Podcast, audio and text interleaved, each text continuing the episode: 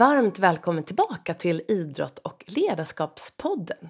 I det här avsnittet ska du få träffa säsong 7 första gäst, nämligen Tony Gustafsson. Tony är coach och fotbollstränare och nyligen kanske mest känd för att ha tagit det amerikanska damfotbollslandslaget till ett VM-guld i somras. Så vi kommer att prata mycket om det, vi kommer att prata om ledarskap och vilka styrkor som egentligen krävs av en ledare för att ta ett lag till en sådan topprestation som ett VM-guld. Vi kommer att prata om eh, lärdomar av misstag, vi kommer att prata om vikten av tillit och Tony delar generöst med sig av sina kunskaper och sin, sina erfarenheter som, i sin roll då som tränare och ledare. Och vi pratade väldigt länge så att jag har delat in det här avsnittet i två delar så därför är det här då del ett.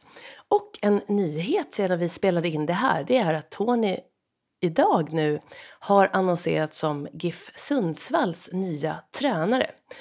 Och det blir ju väldigt spännande att följa Tonys resa och hans lag där och det hoppas jag att du också gör. Men nu är det dags att ta ett djupt andetag, luta dig tillbaka och eh, så önskar jag dig en riktigt trevlig lyssning. Nu kör vi!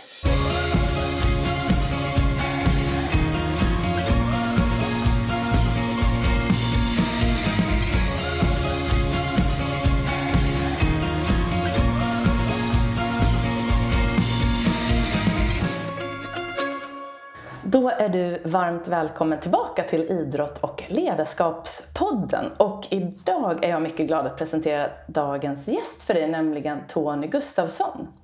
Och Tony är just nu här i Sverige och landar efter VM-guldet som han, som assisterande coach till det kvinnliga amerikanska fotbollslandslaget, tog hem i somras. Men om vi backar bandet lite så är Tony då född 14 augusti 73 i Sundsvall. Han är expertkommentator, bland annat för SVT var han det under VM i Sydafrika eh, 2010. Han är fotbollstränare då och före detta spelare. Eh, Tony är också den första av Sveriges alla elittränare av att ha just en akademisk fotbollstränarutbildning. Som spelare har han bland annat representerat IFK Sundsvall, IK Brage och Ytterhogdal. Och i den senare klubben var han också spelande tränare.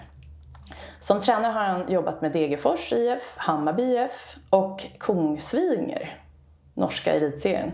Om jag sa det där rätt nu hoppas jag. och sen damfotbollslaget Tyresö FF. Och han var nu då assisterande tränare till förbundskapten Pia Sundhage för USAs damlandslag i fotboll eh, i damernas turnering och det var under OS då om jag säger rätt, 2012. Och sen dess har han varit kvar i just det amerikanska damlandslaget och nu senast tillsammans med Jill Ellis. Tony är gift, har två barn och har 5,6 i handikapp i golf. Varmt välkommen hit Tony! Ja, stort tack! Jaha, hur känns det? Ska jag, är det något du vill tillägga i introduktionen? ja, det var en bra intro. ja, det är bra. Vi pratade lite om det här med OS och VM, men vi kom fram till att OS är ju jämna år och mm. VM är eh, ojämna år Precis. och var fjärde år. Yes. Jaha, så det finns ju väldigt mycket vi ska prata om eh, idag som berör fotbollen och det här med eh, att lyckas när det gäller och så. Eh, men jag vill först veta lite mer om dig. Så om du fick svara på den här lätta frågan. Vem är Tony? Oj, jag är med jag då. Um, en eh, fotbollsidiot som älskar fotboll eh, och allt vad som har med fotboll att göra. Ehm, eh, en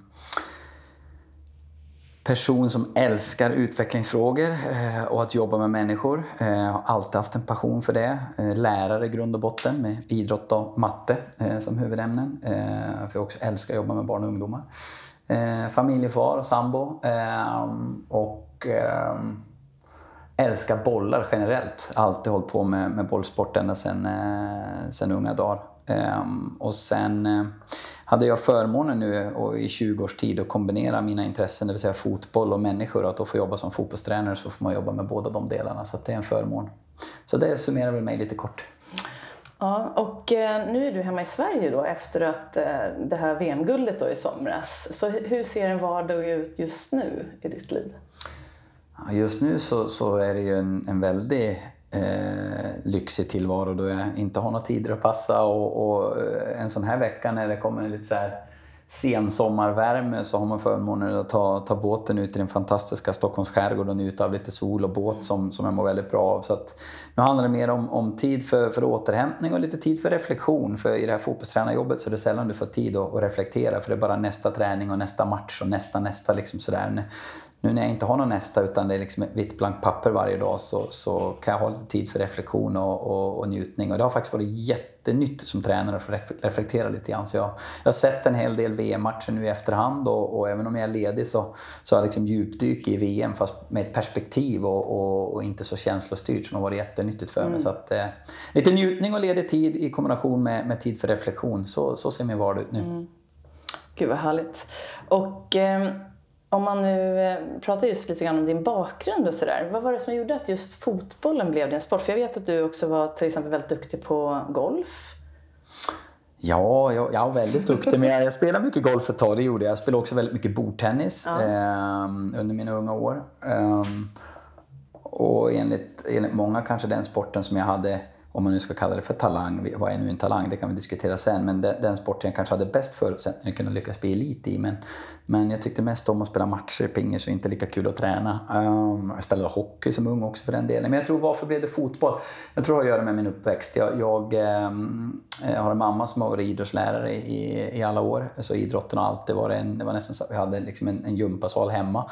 Uh, för mamma som en, en stor förebild till mig som jobbar som idrottslärare 43 år på samma skola. Och är 76 år idag och vickar fortfarande på en skola nära där hon mm. bor. Liksom. Så att, eh, snacka om att, att hitta sin passion i livet och att, att jobba i, i skolmiljö och med idrott. Så, där. så det har jag blivit influerad av. Och sen givetvis min far som har varit involverad i fotbollen i, i alla dess former, i alla roller du kan tänka dig. Eh, på plan, utanför plan, i styrelserum, scout, eh, tränare, you name it. Eh, och redan som liten palt så älskar jag att hänga på, på pappas träningar och, och vara med och samla bollar och vara med och skjuta och, och sådär. Så jag har vuxit upp med, med fotbollen. Och sen lägger du där till en storasyster som är, är fyra år äldre som jag alltid försöker tävla med och vara lika bra som som liten. När, när man körde väggen hemma och sköt sönder massa lampor på, på garageporten och, och, eh, och växte upp med en stora syster där, där, där, bollen och fotbollen alltid var med. Så vart det någonstans naturligt att fotbollen har varit en så stor del av mitt liv ända sedan jag, jag kunde gå tror jag. Mm.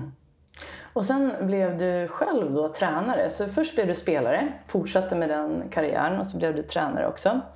Ehm, och eh, vad var det som gjorde egentligen att du gick? För när man har spelat mycket själv då, håller på med det och sen blir man tränare. Vad var det som du tror gjorde att du valde den?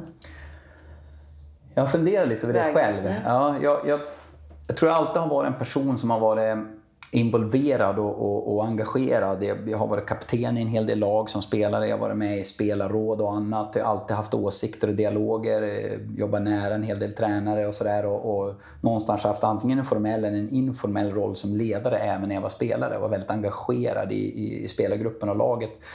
Sen har jag alltid haft en passion för det här med, med ledarskap och människor och utveckling. Och sen tidigt fick jag också en passion för det här med det, med det taktiska i mm. fotboll, redan som spelare. Liksom. Mm.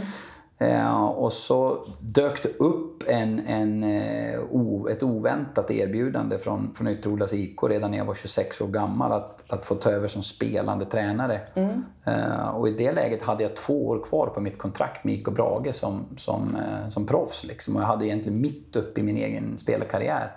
Men kände sån otroligt sug efter att få ha ett eget lag och, och, och att träna andra att jag valde att liksom lägga min elitfotbollskarriär åt sidan för att, att eh, kunna testa på det här med tränarskapet. Även om jag fortsatte att spela i fem år till, för jag var mm. spelande tränare i fem år och spelade ända tills jag var 31. Men själva elitspelandet la jag åt sidan och, och satsade på, på tränarbiten. Um, mm.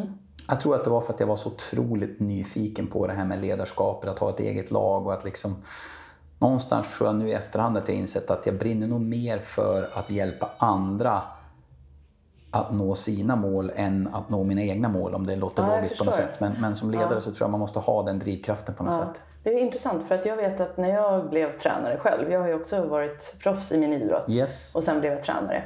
Då vet jag att min mentor eller min tränare som jag hade då när jag gick tränarutbildning, han sa det att en viktig fråga du måste ställa dig, det är när du är tränare, brinner du för att du själv ska få positiv feedback för att eleven utvecklas? Eller är det, brinner du för att det är eleven som utvecklas så att eleven blir... Får, Ja. Förstår du skillnaden? Jajamän. För att man kan ju välja att vara tränare för att det är ju väldigt många som säger då till exempel ja men bra, tack så jätte-" och du vet att man Mm. får feedback. Så att det är det som det brinner Men det är ju utvecklingen hos eleven som gör det är, Svaret är ju då att det ska ju gärna vara att det handlar om eleven. Absolut. Och har det då varit eh, speciellt faktiskt i, när det är en individuell sport tror jag, när det handlar mycket om dig själv och inte ett lag. Eh, så den frågan kommer jag ihåg att, eh, att jag grottade in mig ganska mycket för att jag insåg ju om, om man ska bli en bra tränare så gäller det att släppa det där och vara mer nyfiken på eleverna. Absolut. Ja, det är en, ens eget ego som styr oss ibland. Så är det Precis, ju det är ju med så. bekräftelsebehov och Ja. annat. Och att kunna distansera sig från, från sitt ego och någonstans lyfta sig i att veta att kan hjälpa Lisa, Stina, Kalle, Olle att, att nå sina mål och utvecklas Mm. och nå sin fulla potential. Det är där någonstans den inre drivkraften finns som, som, som ledare och som, som är så häftigt. Jag kan ju Mm. få lika mycket gåshud och, och liksom euforisk känsla av att, att eh, individen eller laget når sitt mål som jag kan få genom att hänga en guldmedalj runt halsen. Liksom. Ja. Hur gammal var du när du gick från spelare till tränare? 26. 26. Det var då, och då var du då spelare ett tag och sen... Mm, då var jag spelande tränare Tränare, i fyra års tid i Ytterhogdals IK och sen spelande tränare i Degerfors under ett Mm, år. Och sen efter det så vart jag erbjuden huvudtränarjobbet i, i Degerfors i Superettan och då var det en sån där kritisk frågeställning. Är jag beredd att lägga skorna på hyllan nu? För på den nivån gick det inte för mig att kombinera ett spelande tränarjobb Det. för att jag var inte tillräckligt bra för att kunna vara spelande tränare på den miljön utan då fick jag lägga spelande åt sidan Mm. och fokusera på, på tränarskapet. Hur, hur var det att vara spelande tränare där man själv är spelare i laget och sen går man in och blir tränare för dem man spelar med? Ehm, Jag fick den frågan faktiskt när jag klev upp från, från att vara spelande assisterande i Degerfors till att bli huvudtränare. Så var det någon som sa, ja men hur ska du kunna få respekt ifrån från dina lagkamrater? Du spelar med dem så sent som i höstas här. Och jag sa det att den respekten som du syftar till när du frågar nu, det är inte den respekten jag vill ha som ledare. Det vill säga ha respekten för att man har en titel eller respekt för att man har en status. Utan jag vill respekt för mitt kunnande och respekt för den människosynen jag har. Och om spelarna känner på sikt att den här ledaren kan hjälpa mig att bli bättre, den här ledaren genuint bryr sig om mig och laget, då får du en respekt över tid. Men du kanske inte får det lika snabbt som när du får respekt för en titel eller respekt för en status. Men det är för mig inte riktigt den äkta respekten. Så att det är klart att det var en känslig, känslig övergång. Eh, men eh, en väldigt intressant sådan och jag tror att man måste vara ödmjuk inför det faktum och inte bara rusa in med liksom hundra och tro att man kan allt och vet allt utan jobba nära spelartruppen. Och, och dessutom hade jag ett antal informella och formella ledare i den gruppen som gjorde ett bra jobb tillsammans med mig. Mm. Det där är ju väldigt många, tror jag, om man tänker i näringslivet då, som om man har varit till exempel en duktig säljare och så blir du säljchef. Ja. Då är det helt plötsligt dina medarbetare så blir du deras chef. Det är ju precis samma Jättebra frågeställning. liknelse. Jättebra liknelse. Och, Mm. och bra, intressant reflektion också att titeln är ju inte egentligen det som ger dig respekten eller ledarskapet utan långsiktigt är det ju hur du får dem att känna sig. Och hur du Exakt. får dem, för då kommer oftast prestationen också. Och du får ofta bara genom dels kunskap men också bemötande, det vill säga ledarskapet, hur du leder andra. Ja, vi kommer komma in ännu mer på just liksom ledarskapet. här. Men vad upplever du är dina styrkor som ledare eller som tränare? Ska man egentligen fråga de som har haft mig som ledare och tränare, de kan nog svara bättre. Men den feedbacken jag har fått, för man, man eh, vill ju ha feedback som ledare så man kan bli bättre. Och Ja, den precis. feedbacken jag har fått är väl att jag är, eh, Eh, är duktig på att sprida en eh, positiv energi i de arbetsmiljöerna jag jobbar i. Det kan vara allt från omklädningsrummet till träningsplan till mötesrummet och sådär. Att, eh, att, att sprida en positiv energi och tro på det vi gör. Det, det är väl en feedback jag har fått. Den andra det är väl att jag är ehm, eh, duktig på att, eller fått feedback på att jag är duktig på att möta varje individ där de befinner sig. Eh, jag brukar ha ett mantra där jag pratar om att, att eh, jag möter gärna individen utifrån den den kan bli och inte den den är. Det vill säga jag ser individen för den potentialen den har, inte där den befinner sig.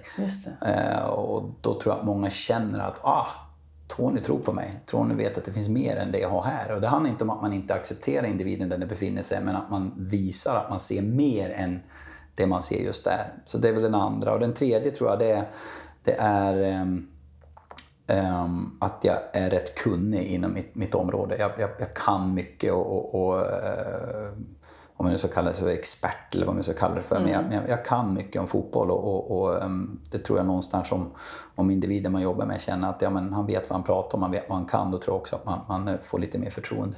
Mm. Och eh, den feedback som eh, du fått eh, när det gäller dina utvecklingsområden, vad tror du att det är för någonting? Det vet jag mycket väl. Ja. för det första så det kanske folk kommer höra här i podden också så pratar jag på tok för fort och på tok för högt och svär för mycket. Jag kan vara väldigt forcerande och snabb i mitt sätt att kommunicera så jag behöver påminna mig själv att sakta ner lite grann, prata lite lugnare och så jag kan vara ganska, prata alldeles för fort helt enkelt. Speciellt när jag blir passionerad över någonting. Ja. Ehm, den andra delen är väl också att jag eh, åtminstone tidigare, inte lika mycket nu, eh, har haft en tendens att vara lite för känslostyrd. Jag är en känslomänniska och ibland kan jag ha låtit känslorna eh, tagit över och, och förblinda lite grann så man blir lite fartblind. Om mm. det nu är att man blir överentusiastisk och glad för någonting som gör att man blir lite förblindad eller att man blir förbannad över någonting och sådär. Eh, och så bor det ju också en liten tävlingsdjävul i mig och jobbar man med fotboll så tävlar man ju och då, då kan det ju ibland rinna över lite grann. Så att, eh, det är väl två sådana här områden som, eh, som jag kan utveckla. Och det, det tredje tror jag som, som jag också har lärt mig att reflektera över själv är att när jag själv är så oerhört passionerad och jag sa tidigt här, vem är jag? Ja, men Jag är en fotbollsdåre och en fotbollsidiot. Så ibland så kanske jag har förväntningar om att alla i min omgivning är lika passionerad som jag är och förväntar mig att alla ska vara lika passionerade som jag är. Och är man inte det så men kom igen nu, fattar du inte hur kul det här är? Fattar du inte hur viktigt det är? Kom igen nu då! Sådär. Eh, och där har jag fått lärt mig att liksom inse att vi har alla våra olika motivationsfaktorer och alla är inte lika passionerade över alla områden som jag är. Och det måste jag ha en, ha en insikt i. Eh, och det tror jag att jag har blivit bättre på, men jag kan fortfarande bli ännu bättre. Mm. Och när, när, du säger att du är känslostyrd, det är ju väldigt vanligt, när man, speciellt när man är då passionerad och blir engagerad. Hur lär man sig hantera sina känslor utan att förtränga dem? Mm, har du tränat ja. på det? Lite? Ja, absolut. Jättemycket. Mm. Ehm, I flera olika aspekter. Det kan vara allt från träningsmiljö till, till tävlingsmiljö eller för den delen i det privata livet också. Ehm, och det man jobbar med det är att bli medveten. Självmedvetenhet är liksom steg ett. Att först bli medveten om sina utvecklingsområden och först när du blir medveten om det så kan du också utveckla det. Ehm, och, och, att bli medveten om det och då känna in, okej, okay, eh, nu kom den där känslan igen. Liksom. Bam, lägga den åt sidan och sen fokusera lite mer neutralt. Det andra det är också att jag, jag ska ge ett konkret exempel. Eh, nu när jag går in i matcher så spelar jag alltid matchen en gång innan den spelas. Till exempel på förmiddagen innan en eftermiddagsmatch så, så går jag igenom eh, alla tänkbara matchscenarier. Eh, inte alla, därför att ibland kommer det oförutsedda saker. Men de som man som tränare vet av erfarenhet kan hända skada på uppvärmning, tidigt rött kort, tidigt ledningsmål eller vi leder eller en spelare inte presterar och så vidare. Att, att inte vänta till det händer och så kanske ta känslomässigt beslut där för att man vill upprörd eller inte tänkt igenom det utan att någonstans gå igenom saker i förväg när man inte är så påverkad av sina känslor som gör att när det händer så har man redan tänkt igenom det och tagit ett mer neutralt beslut. Mm. Det är också ett sätt att hantera det när man är lite känslostyrd som jag är. Mm. Det där är ju en sån här jätteintressant mental tränings teknik om man ska säga, apropå visualisering. Men att eh, då kanske man ofta pratar om att du till exempel inom golf där du visualiserar hur du vill spela banan. Mm. Men att i det här fallet också visualisera vad som kan hända mm. så att du kan förbereda dig känslomässigt i ett lugnt tillstånd. Precis. Precis, då tror jag att man tar lite, lite bättre beslut för då ja. har man ett litet helikopterperspektiv mm, och kan precis. se saker lite tydligare. Just det. Eh, och apropå känslor då, så läste jag ju lite om dig, lite extra här inför vår intervju.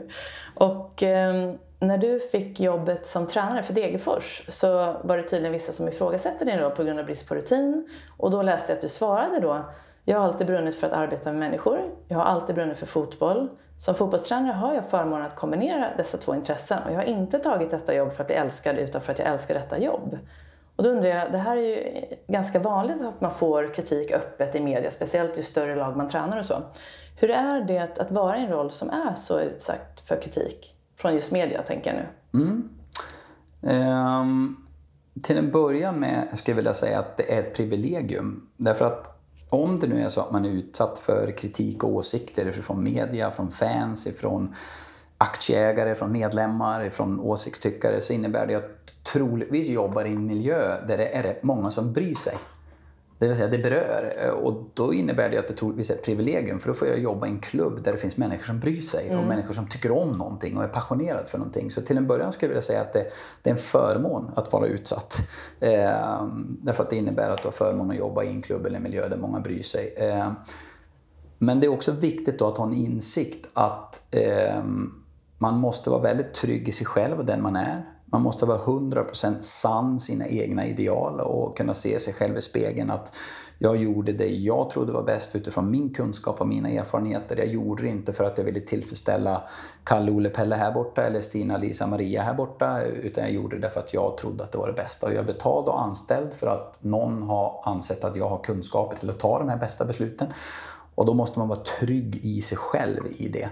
Ehm, och så måste man också ha förståelse för de här processerna. Vad är det för, för, åsikter som sipprar in? Vad är det spelarna hör? Vad är det mina kollegor hör? Vad är det jag klarar av att ta del av utan att bli påverkad? För många säger så här, ja men jag bryr mig inte, jag bryr mig inte. Men alla människor blir påverkade på något sätt. Eh, läser du en artikel eller ser något på nyheterna eller hör något ifrån läktaren eller pratar med några kollegor så vi blir alla berörda på något sätt. Eh, antingen i affekt eller att egot får kredit eller sådär. Och, det gäller att veta vad, vilket informationsflöde ska jag låta mig själv ta del av? Och vilka människor ska jag omge mig av och diskutera till exempel kritiska beslut med? Och hur mycket av dem blir vi påverkade? Eh, om du och jag sitter och pratar här om en laguttagning eller du och jag sitter och pratar om taktik Pratar jag med dig utifrån dina åsikter eller bär du åsikterna från någon omgivning du har blivit påverkad av? Och då är det viktigt att man har en tillit till dem man jobbar med och har liksom någon slags liten bubbla, brukar jag prata mycket mm. om. Att skapa den där bubblan i miljön man jobbar i. Att in, inom den här bubblan så, så är det vi, är 100% som har insikt i verksamheten som, som tar beslut. Och sen finns det folk utanför den här bubblan som kommer ha åsikter och då måste vi vara stark nog och, och, och tro på det vi gör. Mm. Och vad gäller, man brukar säga att om man nu gör misstag på vägen så blir ju det lärdomar i mm. alla lägen. Finns det något där, någon lärdom som du känner att du har fått med dig? Något misstag som har gett en väldigt viktig lärdom som du har gjort genom åren som tränare? Massor. jag har gjort massa misstag. Uh, Något som du kände så nu, Ja, jag ska, jag ska ge dig en rolig först, en tidig rolig lärdom. Man, man, ska, inte, man ska inte tro att, att allt är som, som, ehm, som man tror att det är. Jag ska ge dig en liten, liten anekdot här. Det var på, på idrottsparken i Sundsvall när jag var litet, eh, liten kid, litet barn här och farsan var involverad i IFK Sundsvall på den tiden.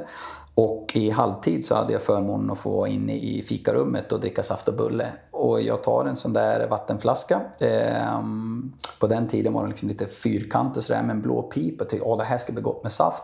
Jag vet, det kan vara åtta bast vid tillfället mm. kanske.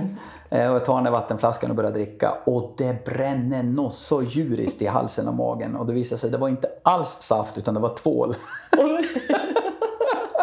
Och jag har minne än idag av det där, så det är väl en lärdom inom sporterna. Jag tar inte en vattenflaska och dricker i den om jag inte är säker på vad det är till att börja med. Det var väl en tidig lärdom ja, inom fotbollen. Mycket bra. Eh, en annan lärdom är att jag stod bredvid stolpen i en avslutstävling, eller avslutsövning på den tiden och Bosse Börjesson drar på ett, ett vristskott i, i hårdaste av hårda och träffar rätt på låret. Oh. Jag kommer ihåg än idag, jag hade så bollmärken från den där gamla selektbollen på låret så det kändes som att jag fick en tatuering. Så stå inte bredvid målet när det är avslutsövningar. Eh, skämt åsido, det är ju tidiga lärdomar från, från fotbollen. Men mm. eh, jag, jag har... Eh, jag har lärt mig jättemycket på vägen. Um, och det är väl inget sådär konkret kanske exempel jag kan ge dig från den matchen eller det omklädningsrummet eller det mötet. Men um, jag...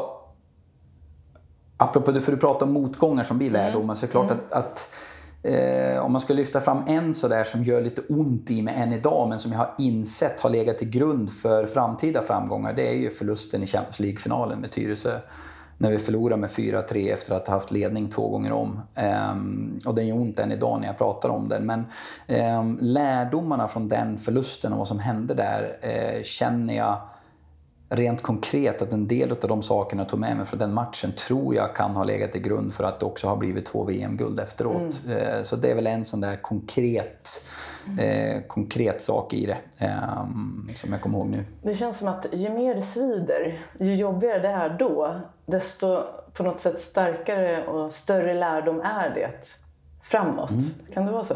Jo, det, det, tror jag att det kan vara. Det finns några uttryck, jag har jobbat i USA många år nu, det finns några uttryck där som säger att du, du är ingen riktig företagare förrän du har gått i konkurs. Nej, eh, så att de ser det som en erfarenhet i USA, ja. att du har gått i konkurs. Eh, istället för att se det som att ja, men det där är ingen bra företagare. Ja.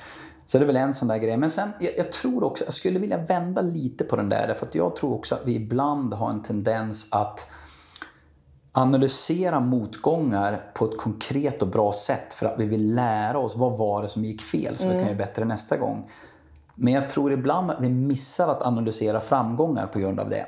Eh, och det är därför jag är glad nu att jag har haft förmånen att reflektera över VM. För jag vill jag vill liksom ifrågasätta och dissekera och analysera den här VM-framgången på samma sätt som jag gjorde med OS-fiaskot när vi åkte mm. ut OS i kvartsfinalen 2016. Som vi grottade ner oss i varenda minsta detalj varför det gick som det gick. Ja, men jag vill göra likadant nu. Därför att jag tror att jag kan ta med mig precis lika mycket lärdomar från den här medgången mm. som jag kunde från den motgången. Och det tror jag ibland att vi missar. Ja, det där är, jag hade Niklas Kulte med i den här podden. Mm. Och han eh, vill ju, han håller ju på med en tennisakademi här i Stockholm, mm. From Good to Great, och han har ju varit duktig på tennisspelare. Så han undrar lite grann, vad är det som gör att... Ehm, eller ska man, de är ju väldigt mycket inne på att du ska titta på dina styrkor och jobba med dem. Medan det finns de som man säger så att man ska titta på sin svagaste länk och se till så att man stärker den. Men att, eh, vad, vad tänker du där? Apropå om man tänker det här pratar vi om i företag eller på sina mm. egna lärare. Men om man tänker en spelare, eh, ska man fokusera på styrkorna och i så fall hur mycket väger det över till det som de inte är mm. bra på? Där skulle jag vilja svara på två olika sätt beroende på, på vilken Tony du frågar. Frågar du elittränar-Tony som är tränare för USAs damer och ska vinna VM-guld eh, så svarar jag att du måste verkligen försöka få ut maximalt av de egenskaperna som det här laget har rakt framför det här och nu. För du har inte tid att jobba med individuell långsiktig spelarutveckling. För du ska vinna VM och du ska vinna matchen nästa lördag. Och då handlar det om att titta på vilka styrkor har det här laget och hur får vi fram de styrkorna på bästa sätt samtidigt som vi kan gömma våra svagheter så att de inte exponeras för mycket. Pratar du däremot till Tony utifrån att vara en lärare eller ungdomstränare eller förälder så ska jag säga att du måste ha parallella spår där när du jobbar med unga spelare så måste du jobba med båda områdena. Mm. Du måste jobba med spetsegenskaper men du måste också jobba med breddegenskaper. Um, speciellt om det är ett svagt område, ett utvecklingsområde som faktiskt också kan påverka dina spetsområden. Om du förstår vad jag menar. Mm, alltså, alltså, mm. Jag är väldigt bra på det här men jag får inte ut det därför att det är för dåligt på det här området. Mm, ja, men då det. måste man jobba med kompenserande faktorer och utveckla det svagare området så att jag får ut mer av mina spetsegenskaper. Mm. Och där tror jag erfarenhet utifrån en tränare, till exempel en tennistränare i det här fallet, kan ha erfarenhet i att ja, men vi jobbar med de här styrkorna men ser de att det finns en svaghet som gör att det påverkar spelet så pass mycket att man inte får ut styrkorna, då tror jag faktiskt också att de kommer jobba med det parallellt. Precis. Ja, men det var en bra. Just det här att det skiljer ju såklart också vad det är man ska träna för mm. och vilken ålder det är på, mm. på spelarna. Men vad är det roligaste med att vara ledare, tränare? Det är så otroligt mycket, men ska jag lyfta fram något så är det ju förmånen att få jobba med människor och vara med och hjälpa människor att nå sina mål och sin fulla potential. Eh, och att dessutom få göra det, som i mitt fall, då jag älskar att jobba i lag. Mm, att mm. få ihop det i ett lag och en grupp och se laget lyckas och laget utvecklas. Det, det, det är en häftig process. Eh, det är en otroligt häftig process. Liksom, allt ifrån starten till, du vet, till, till tydliggöra målsättningar, till processen dit och varför ska vi sätta det här målet, hur når vi dit och vad vi för strategi för att nå dit. Och sen, jag brinner ju för något som jag kallar för genombrottscoachning. Att få vara med när en individ har sitt sanna genombrott. Alltså det är nästan så att jag får gåshud bara jag tänker på det. Att liksom när, när man får, får den där spelaren behövde kanske bara hjälp med det där eller om man hjälpte hitta den så att den, för det är den spelaren själv som lyckas, det är inte jag. Nej. Men att vara med att få den spelaren att antingen inse sin fulla potential eller få ut sin fulla potential eller nå sin fulla potential. Eh, det är skithäftigt som ledare. Mm. Eh, och sen parallellt med det ska jag inte sticka under stolen med att jag har alltid älskat att tävla. Mm jag gör det. Jag tycker om att tävla. Jag skäms inte för det. Jag, jag, jag älskar att tävla. Mm. Eh, och, och, att få göra det som ledare, att vara med och mätas med andra och tävla. Det är, eh, är lite grann för mig en beroendeframkallande känsla att få mm. tävla. Mm. Vad tycker du är det svåraste med att vara tränare? Det absolut svåraste och jobbigaste eh, i mitt fall i ledarskapet det är när man måste tala om för en individ att du får inte spela nu. Mm. Eh, när man vet hur mycket de älskar sitt, sitt spelande, när man vet att de egentligen förtjänar det utifrån hur hårt de har jobbat. Men att det är jag som ledare som måste ta de här obekväma besluten och säga åt till, till Stina, Lisa, eller Kalle eller Pelle att idag får inte du spela. Mm. Eller kanske till och med så pass jobbigt att ja, men, du får inte vara med i det här laget. Mm. Eh, och nu pratar vi inte ungdomsidrott, nu pratar vi elitidrott. Det. Och, och, det är skitjobbigt. Det, det, det säger jag ärligt. Liksom. Det, många kan säga, men vadå, det är ditt jobb att göra det. Ja, det är mitt jobb att göra det. Och jag, jag skäms inte för att göra det och jag är beredd att göra det. Men det är ingen rolig del av jobbet. Därför att man jobbar så nära människor. Och, och då skulle man helst vilja att alla kan spela varje match. Men, men så mm. funkar det inte. Men det är den jobbigaste delen av det tycker mm. jag. Mm. Vad tror du att eh, är en av de viktigaste styrkorna som liksom en tränare bör ha för att lyckas ta sitt lag framåt? Mm. Hur länge kan vi sitta och diskutera i den här podden? För det där är ju en gigantisk fråga. Um, jag tror att, att um, i, om man tittar lite grann på samhället idag och, och, oavsett vilken bransch man jobbar i, näringslivet eller idrottslivet eller skolan eller vad det nu är för någonting, så, så tror jag att den viktigaste egenskapen från ett ledarperspektiv idag det är man management, eh, alltså att kunna hantera människor. Mm. Eh, kommunikationen, relationen med människor kommer i mitt perspektiv då som nummer ett. Ehm, och sen bakanför det måste det givetvis finnas en branschspecifik kunskap som mm. gör att man har kunskaper som gör att man kan, kan utveckla människor inom det branschspecifika området. Men, men jag tror inte det räcker idag med att bara ha en massa kunskaper om inte du har förmågan att möta människan eller kommunicera eller relationsbygga. För att då spelar det inte riktigt roll hur mycket du kan för att du kan inte förmedla det eller du får inte förtroendet ifrån, ifrån de du jobbar med.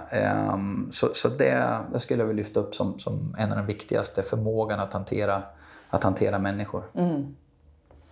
Det där tror jag man ser mer och mer, just att det här med också för att kunna hantera andra människor, att lära sig att först kunna hantera sig själv. Mm. Det här självledarskapet och eh, self-management. Mm. Det är spännande för då ju bättre man uh, där verkar ju, jag vet ju, vi har ju känt varandra ganska länge, framförallt via vår gemensamma kompis John. Men just att vara intresserad av människor mm. är ju en stor förutsättning för att också kunna lära sig hur människor fungerar. Väldigt stor förutsättning. Mm. Och när du säger det med självledarskap och insikt i sig själv tror jag att Tittar du på de mest framgångsrika ledarna inom näringsliv och idrottsliv så, så kan de vara, vara lyckosamma oavsett miljö. Mm. Det kan vara helt olika kulturer på det företaget och det företaget. Eller det kan vara helt olika kulturer i det laget eller det laget. Men om man har förmåga att anpassa sig till den miljön de är i och nå människor där de befinner sig. Medan en del andra ledare kan vara oerhört framgångsrika i miljöer som alltid ser ut på det här sättet. Mm, det. Men hamnar de i en miljö som ser annorlunda ut så är de inte lika lyckosamma. Inte för att de är en dålig ledare, men de har ledarskap som passar i en specifik miljö. Mm. Eh, och där tror jag det är viktigt att man funderar som ledare. Vem är jag? Vem vill jag, vem vill jag vara? Och vilken miljö är jag mest framgångsrik i? Mm. Är jag skicklig nog att anpassa mig oavsett miljö? Eller är jag en sån ledare som det här står jag för, det här är jag duktig i och är miljön och kulturen så här på ett företag eller ett lag, då är jag framgångsrik. Alltså ska jag söka mig till sådana miljöer. Mm, eller ska jag utveckla mig så pass mycket att det spelar ingen roll vilken miljö jag jobbar i så ska jag klara att vara framgångsrik i alla fall. Mm. Och apropå framgångsrik ledare nu då, så tänkte jag komma in på det här med VM-guldet med USAs damlandslag som vi alla följde här under VM i somras.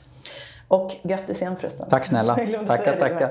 Det var ju fantastiskt att se dig på TV där, när du gick upp och fick den här guldmedaljen. Hur kändes det? det är klart att det, det känsla som är svår att sätta ord på, men, men det är någon slags eufori och stolthet och, och, och glädje och, och, och, att få vara del av någonting sånt. Men, men än mer att få se tjejernas glädje när man vet hur hårt de har jobbat och att få se deras glädje och att jag då får dela den med dem. Det blir någon slags en, en, en dubbelt VM-guld av den anledningen. Ja. Liksom. Vad, jag, jag läste där apropå lite grann vad spelarna sa om dig som tränare. Och bland annat läste jag Tobin Heath som sa att eh, Tony är fantastisk, vår taktiker och vår hjärna.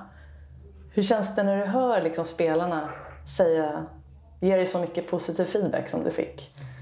Då kommer vi tillbaka lite grann på det här till, till egot. Ja. Stroke the ego. Eh, nej, men det är klart att vi alla människor behöver bekräftelse och bli glada över det. Men det, det jag framförallt är glad över och det att hon säger i media, det är ju upp till henne, men, men det är att, att ha känslan internt också, att man har ett förtroende från sin spelargrupp. Eh, det är någonstans eh, det viktigaste för att lyckas som ledare, det är att du har ett förtroende, att, mm. att de tror på, på Eh, på de idéerna man har. Och, och, där är jag väldigt, väldigt tacksam över att de, de har gett mig det förtroendet och, och haft en tilliten till, till de idéerna. För det är klart att jag har haft en del knasiga idéer ibland och, och jag är rätt kreativ som, som tränare och kommer ibland med en del, del nya spännande idéer där det, där det krävs lite Eh, lite tro, lite tänka utanför boxen som spelare för att man, man kan ha men det är lätt att tänka så här har vi aldrig gjort, varför ska vi göra så här? Nej men så här brukar man inte göra utan det kan ibland vara en liten, en liten curveball som jag brukar säga. Att, att liksom skruva på saker och göra det lite annorlunda. Om det nu är en träningsmetodik eller en fast situation eller en matchplan. Men att de har köpt det och trott på det och, och, och sen har fått betalt för det, det, det. är klart att det känns jätteroligt att ha fått förtroende från, från de här som, som många av dem är världens bästa idrottare, det de håller på med. Och att få förtroende från dem, det är klart att det är en förmån. Ja, det är fantastiskt. Vad var det som lockade dig till det här? För visst var det så att 2012 så jobbade du då med Pia Sundhage inför OS då? Mm.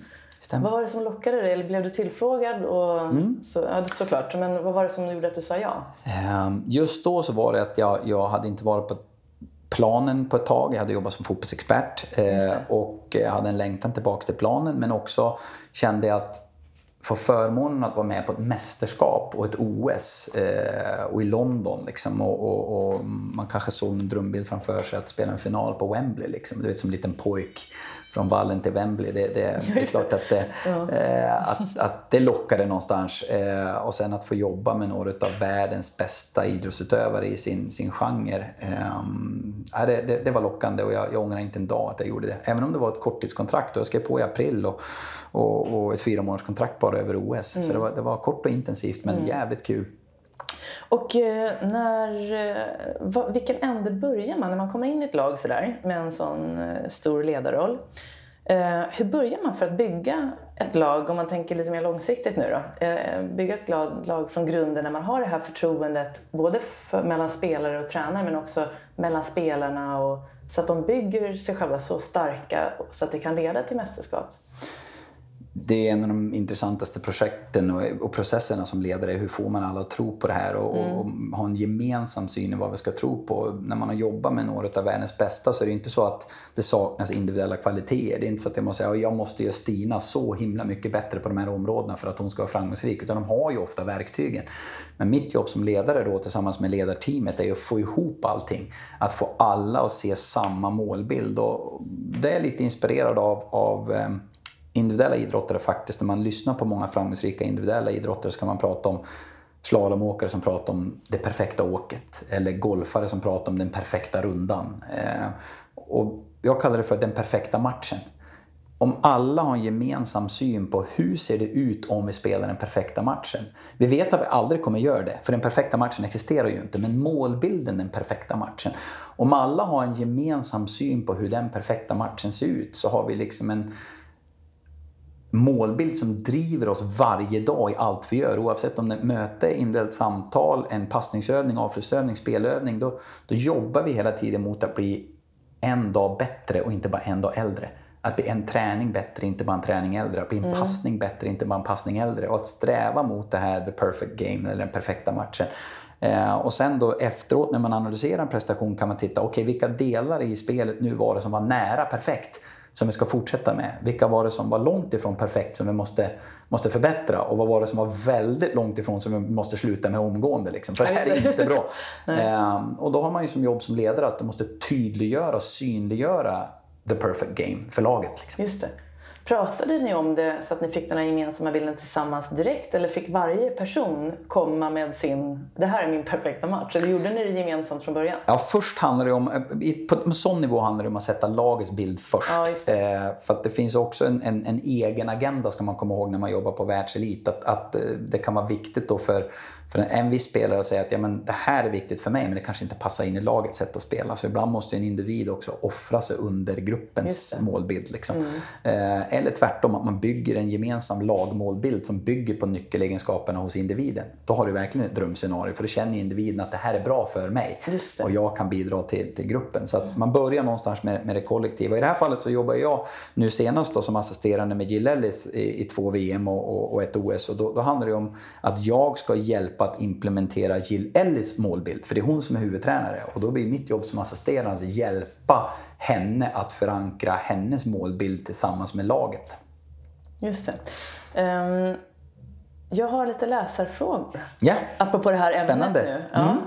Och en handlar precis om det här. Så nu har du ju lite grann svarat på det. Men just det här hur du tänker när du sätter ihop ett lag. Hur viktigt är det att hela gruppen fungerar tillsammans kontra att ha individualister?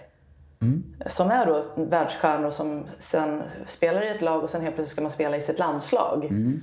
Så hur eh, tänker du där? Alltså hur gör man?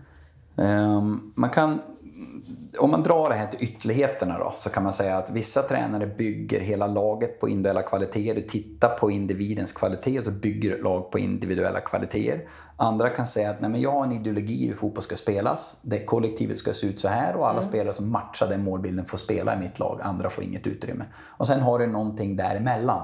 Det vill säga, okay, det är en kombination av ett lags målbild, hur vi ska spela, men i det ger vi också utrymme för individuella spetskvaliteter.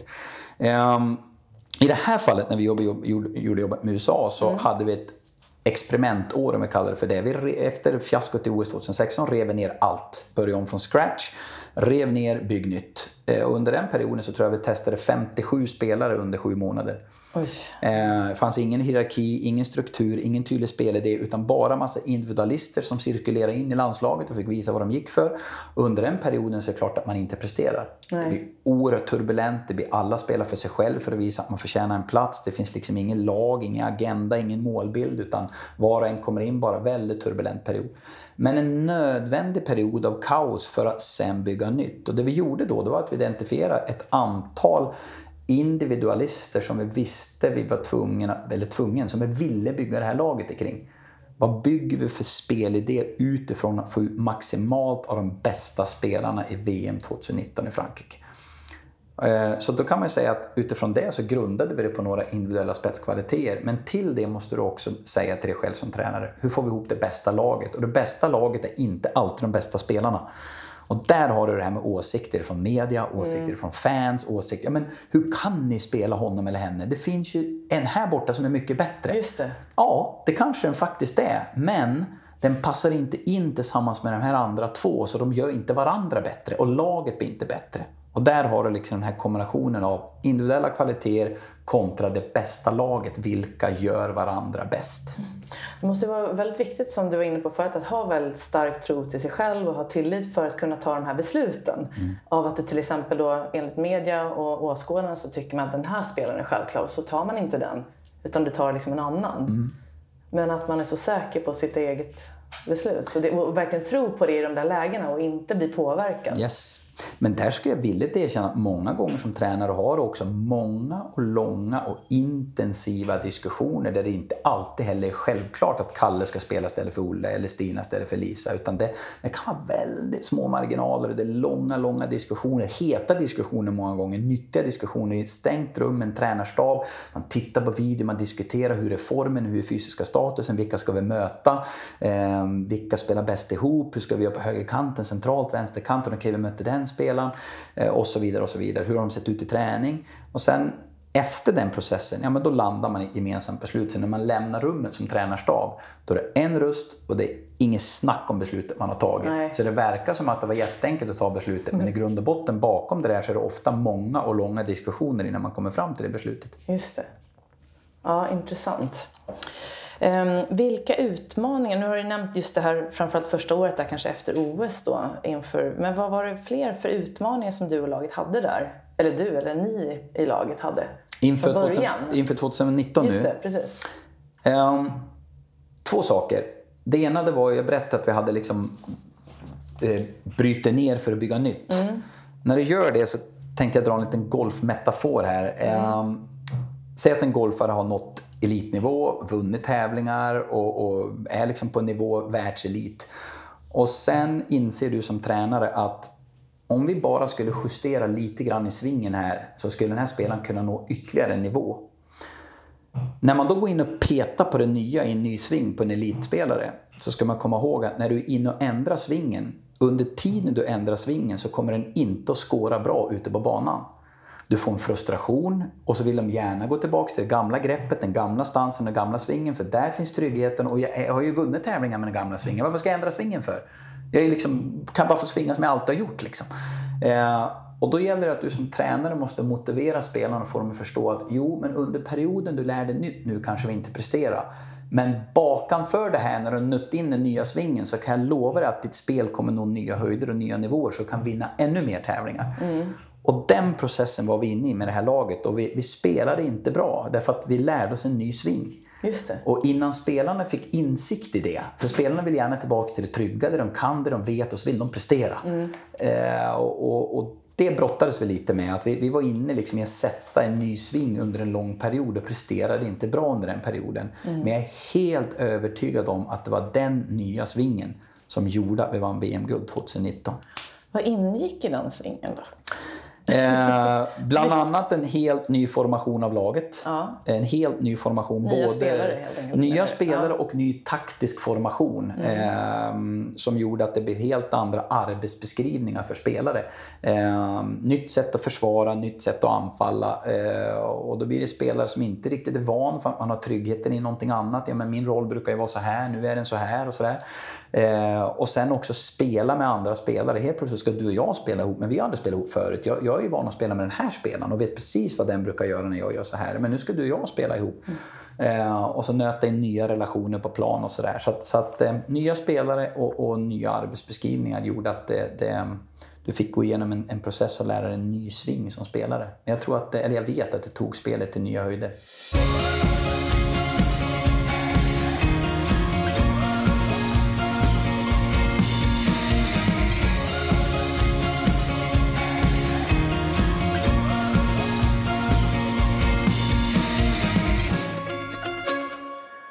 Har du fått lyssna till mitt samtal med Tony Gustafsson och jag hoppas att du har fått med dig en mängd både verktyg, kunskap och inspiration som du kan ta med dig in i din egen vardag. Som sagt då så var det här del ett utav två så nästa vecka fortsätter del två och jag hoppas att du är med oss även då när vi fortsätter prata om VM-guldet. Eh, vi kommer att prata om eh, det här med ledarskap fortsatt. Eh, om ungdomar och hur du tränar ungdomar på allra bästa sätt, både som ledare och förälder. Och det blir mycket mer, så jag hoppas att du hänger med oss då. Tills dess, ta hand om dig så ses vi. Hej då!